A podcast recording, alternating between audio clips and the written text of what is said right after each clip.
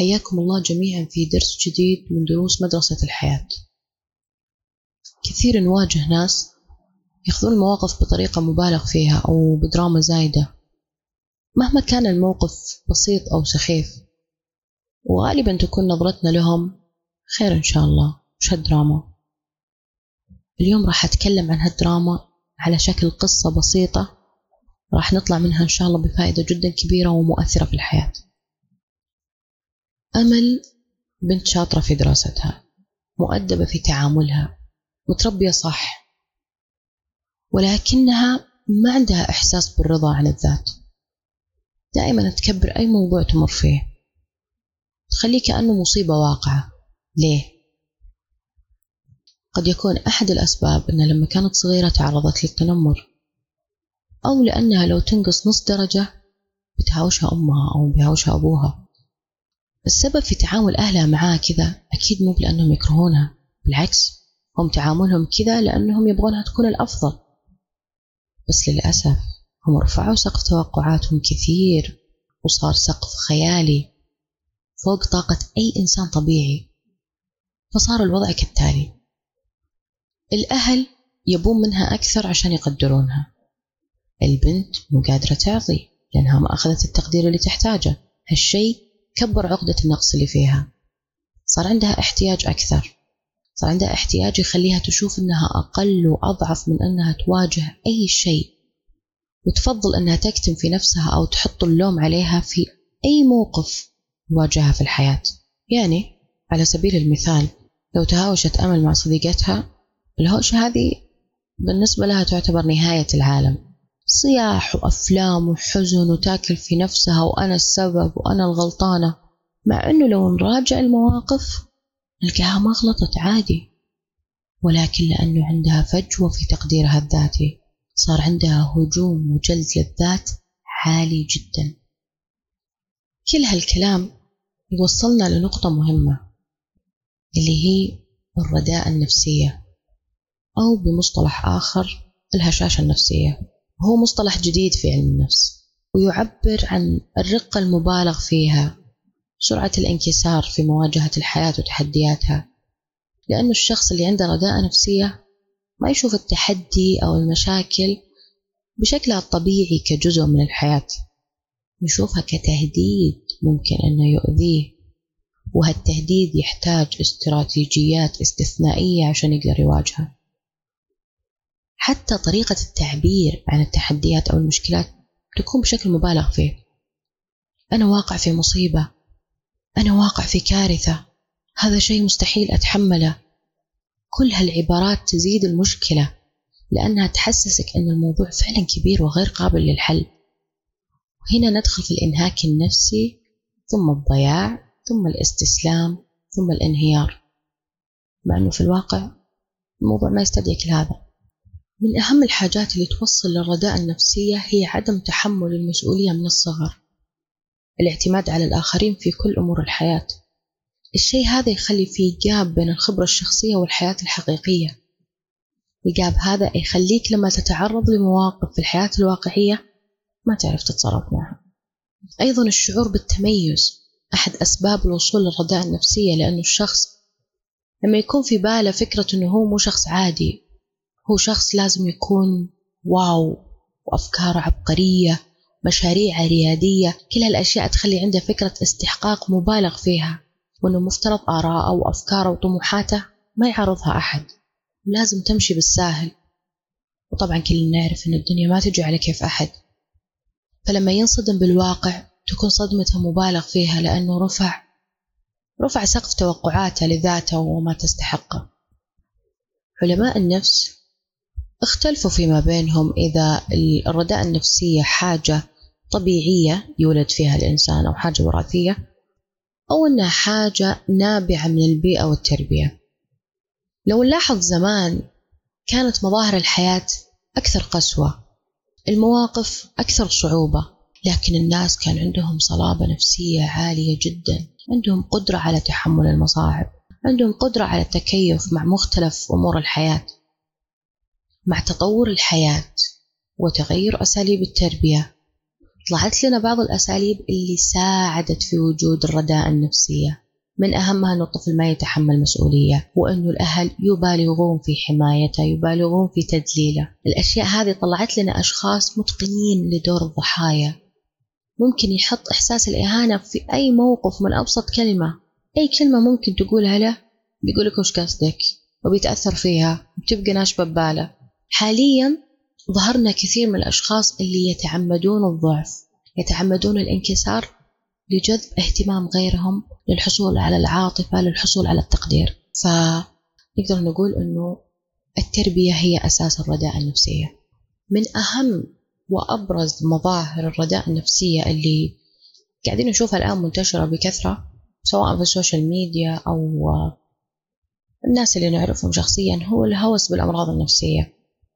الهوس هذا يخلي الشخص لو حس بمشاعر حزن بسيطة يفسرها على طول أنها اكتئاب وأنه يحتاج لعلاج نفسي يدخل نفسه في هذه الدوامة ويصير اعتماده على الآخرين بدل ما يعتمد على نفسه في أنه يعرف إيش سبب هذه المشاعر كيف ممكن يتصرف معها.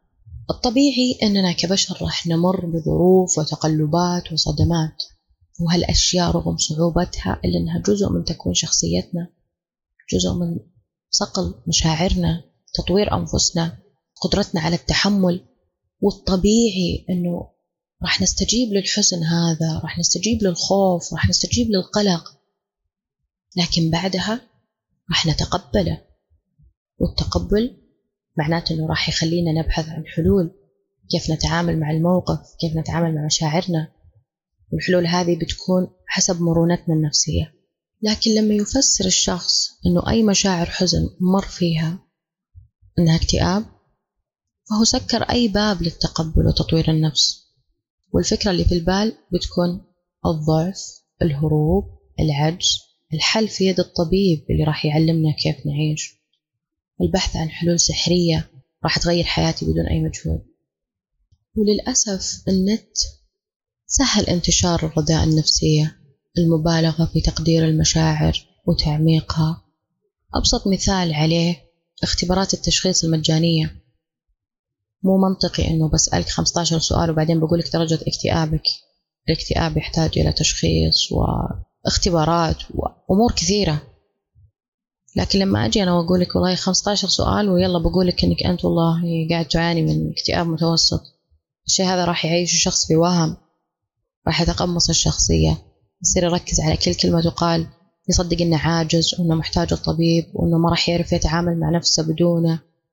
يعني أنا عارفة إنه كلامي هذا كأني قاعدة أحارب نفسي بحكم عملي كمستشارة ولكن الحقيقة تظل حقيقة. مو كل مشكلة تتطلب خبراء للحل. علم نفسك طور نفسك. لا تتحسس من أي كلمة تقال. مو لازم لك لايف كوتش يعلمك كيف تعيش. أنت وحدك قادر أنك تعرف كيف تعيش لما تفهم نفسك. من الأشياء اللي تظهر فيها الرداء النفسية بشكل واضح الفراغ العاطفي. أحيانا يكون في شخص غير قادر على الالتزام بعلاقة صحيحة إما بسبب تعسير زواج أو بسبب أنه غير راغب بتحمل المسؤولية أو بسبب أنه يشوف أنه لسه صغير والحياة قدامه. فيصير الشخص يبحث بإلحاح عن الحب احتياجه العميق لهالمشاعر يخليه إنسان ضعيف أمام أي كلمة. وأي حركة تصدر من الشخص المقابل. على سبيل المثال الشخص المصاب بضعف في تقدير الذات يشوف إنه ما يستحق الحب. فيكون حريص إنه يرفع تقديره عن طريق كلام الناس عنه عن طريق مدحهم له. يصير يجري ورا الأشخاص يعطيهم عشان يعطونا إحساس التقدير. عشان نحل هالشي لازم الشخص يركز على نفسه على إنجازاته. يستوعب أن التقدير نابع من الذات. والأشخاص هم مرايا يعاملوننا على حسب نظرتنا لأنفسنا أيضا الانهماك في وسائل التواصل الاجتماعي وملاحقة أخبار المشاهير ومعرفة حياتهم اليومية تخلق نوع خطير من الهشاشة النفسية اللي هو الفراغ الوجودي الفراغ الوجودي يخلي الشخص لما ينسأل إيش قيمة حياتك؟ هو أنت ليش عايش؟ ما يقدر يجاوب لأنه عايش في عالم من السطحيات. ولو جلس وفكر شوي ليه العالم في مجاعات؟ أو ليه الإنسان يصاب بالابتلاءات؟ يحس بالضغط لأنه ما عنده إجابة وما عنده مرجع أصلا يقدر أنه يجاوب على أساسه. ما في هوية ولا قيم ولا مبادئ ولا دين. بيحس إنه الحياة خالية من القيم ولا تستحق العيش. يقرر إنه ينهيها. مع إنه الإجابات واضحة جدا في الدين. وتعطيك السلام والطمأنينة وفهم إنه الحياة مو فقط الدنيا الدنيا أصلا مجرد اختبار. الأصل هو الحياة الآخرة. وأنه أي أمر تمر فيه الآن أنت مأجور عليه. استعرضنا نماذج من الرداء النفسية في الجانب العاطفي والجانب الروحي لكن باقي الجانب المادي وراح أختصره في حاجة واحدة فقط. اتبع شغفك الكلمة هذه حلوة. تحسسك إن الحياة ودية وجميلة. افرد جناحيك وحلق. نسمع ونشوف قصص ناس اتبعوا شغفهم وصاروا واو. وأنك أصلا كإنسان مخلوق لعمل شيء معين. لو ما عرفته فأنت فاشل ولازم تجاهد وتعافر وتتبع شغفك. طيب. العوامل اللي حول الشخص واللي ما له سلطة عليها. مثلا الحالة المادية. أو ثقافة المجتمع أو اختلاف القدرات بين الأشخاص. كيف الواحد يتبع شغفه بدون ما يفكر في الواقع اللي هو عايش فيه؟ ما في شيء اسمه وقف حياتك لما تعرف شغفك. هذا الشيء يهدم الإنسان ببطء زي زي المخدرات. بالمنطق وش الأهم؟ لقمة العيش ودخل ثابت ولا استقالة وتلاحق شغفك؟ وش فائدة الشغف إذا ما في بيت يأويك؟ وما في فلوس تصرف فيها على نفسك وأسرتك. ما في خطة مستقبلية لإدارة حياتك. ما عندك فهم سليم لنفسك لاحتياجاتك الحقيقية. الشيء اللي نحتاجه فعلا هو البحث عن الفرص مو ملاحقة الشغف. أننا نسعى لتحقيق التوازن في حياتنا بين الاهتمامات بين الرغبات الشخصية بين العمل اللي هو مصدر الدخل بين المهارات بين الإمكانيات.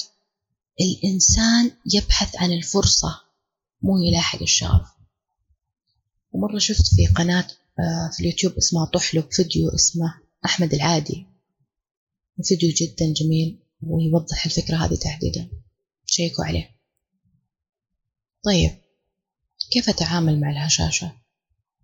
كيف أعديها؟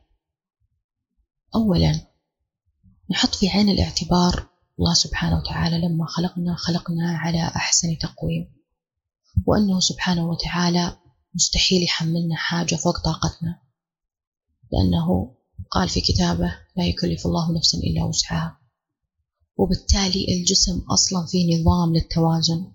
مثل لما تكون في مكان حار وتعرق الهدف من العرق أنه يبرد على جسمك عشان تتوازن الحرارة. نفس الشيء على الصعيد النفسي. كم شخص مننا تعرض لموقف محزن أو صادم؟ واستغرب من نفسه كمية الهدوء اللي يمر فيها أو الصبر اللي يحسه أو الرضا اللي ينزل على قلبه بعد المصيبة. هذا النظام اللي ربي خالقه يساعدنا نتجاوز الأزمات.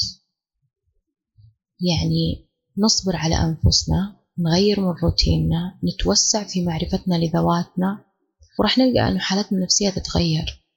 ونخلي العلاج النفسي للناس اللي محتاجته فعلا اللي اللي نظامهم الداخلي هذا منهار ولما تمر بحالة نفسية سلبية لا تحط ببالك الطبيب النفسي كأول حل. جرب أنك ما تنعزل وتطلق لنفسك عنان الأفكار في المصايب اللي مرت فيك. خل حولك الناس اللي تحبهم ويحبونك. لا تستسلم للضيقة والحزن.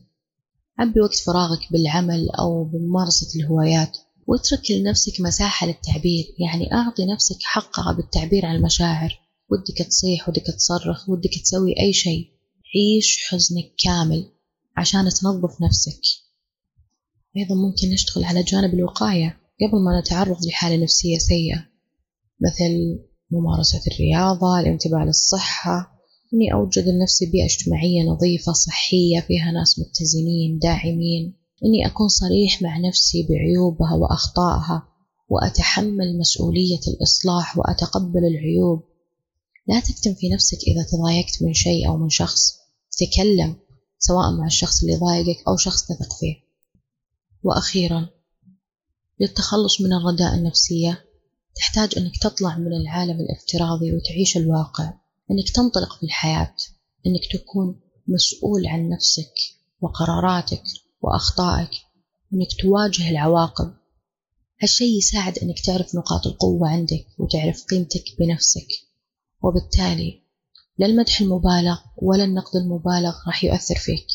أنك تستوعب أن ربنا سبحانه قال لقد خلقنا الإنسان في كبد. تقبل هالكبد واصبر على المكاره. فإذا ما وصلت لمبتغاك في الدنيا فهو أجر ينتظرك في الآخرة. والحياة قائمة على الصعوبات. احتك بمن هم أكبر سن لأن خبرتهم بالحياة تكتب بماء الذهب. هذب نفسك ولا تنجرف وراء البحث عن الرفاهية. والراحة فقط. دائما في أي عمل تقوم فيه خذ بالأسباب واترك الباقي على الله. اعقلها وتوكل. هالأشياء راح تخليك تستوعب الواقع وتتعامل مع الواقع بطريقة أفضل وتتعامل مع مشكلاتك بعقلانية وراح تكون مسؤول فعلا عن حياتك. أشوفكم على خير.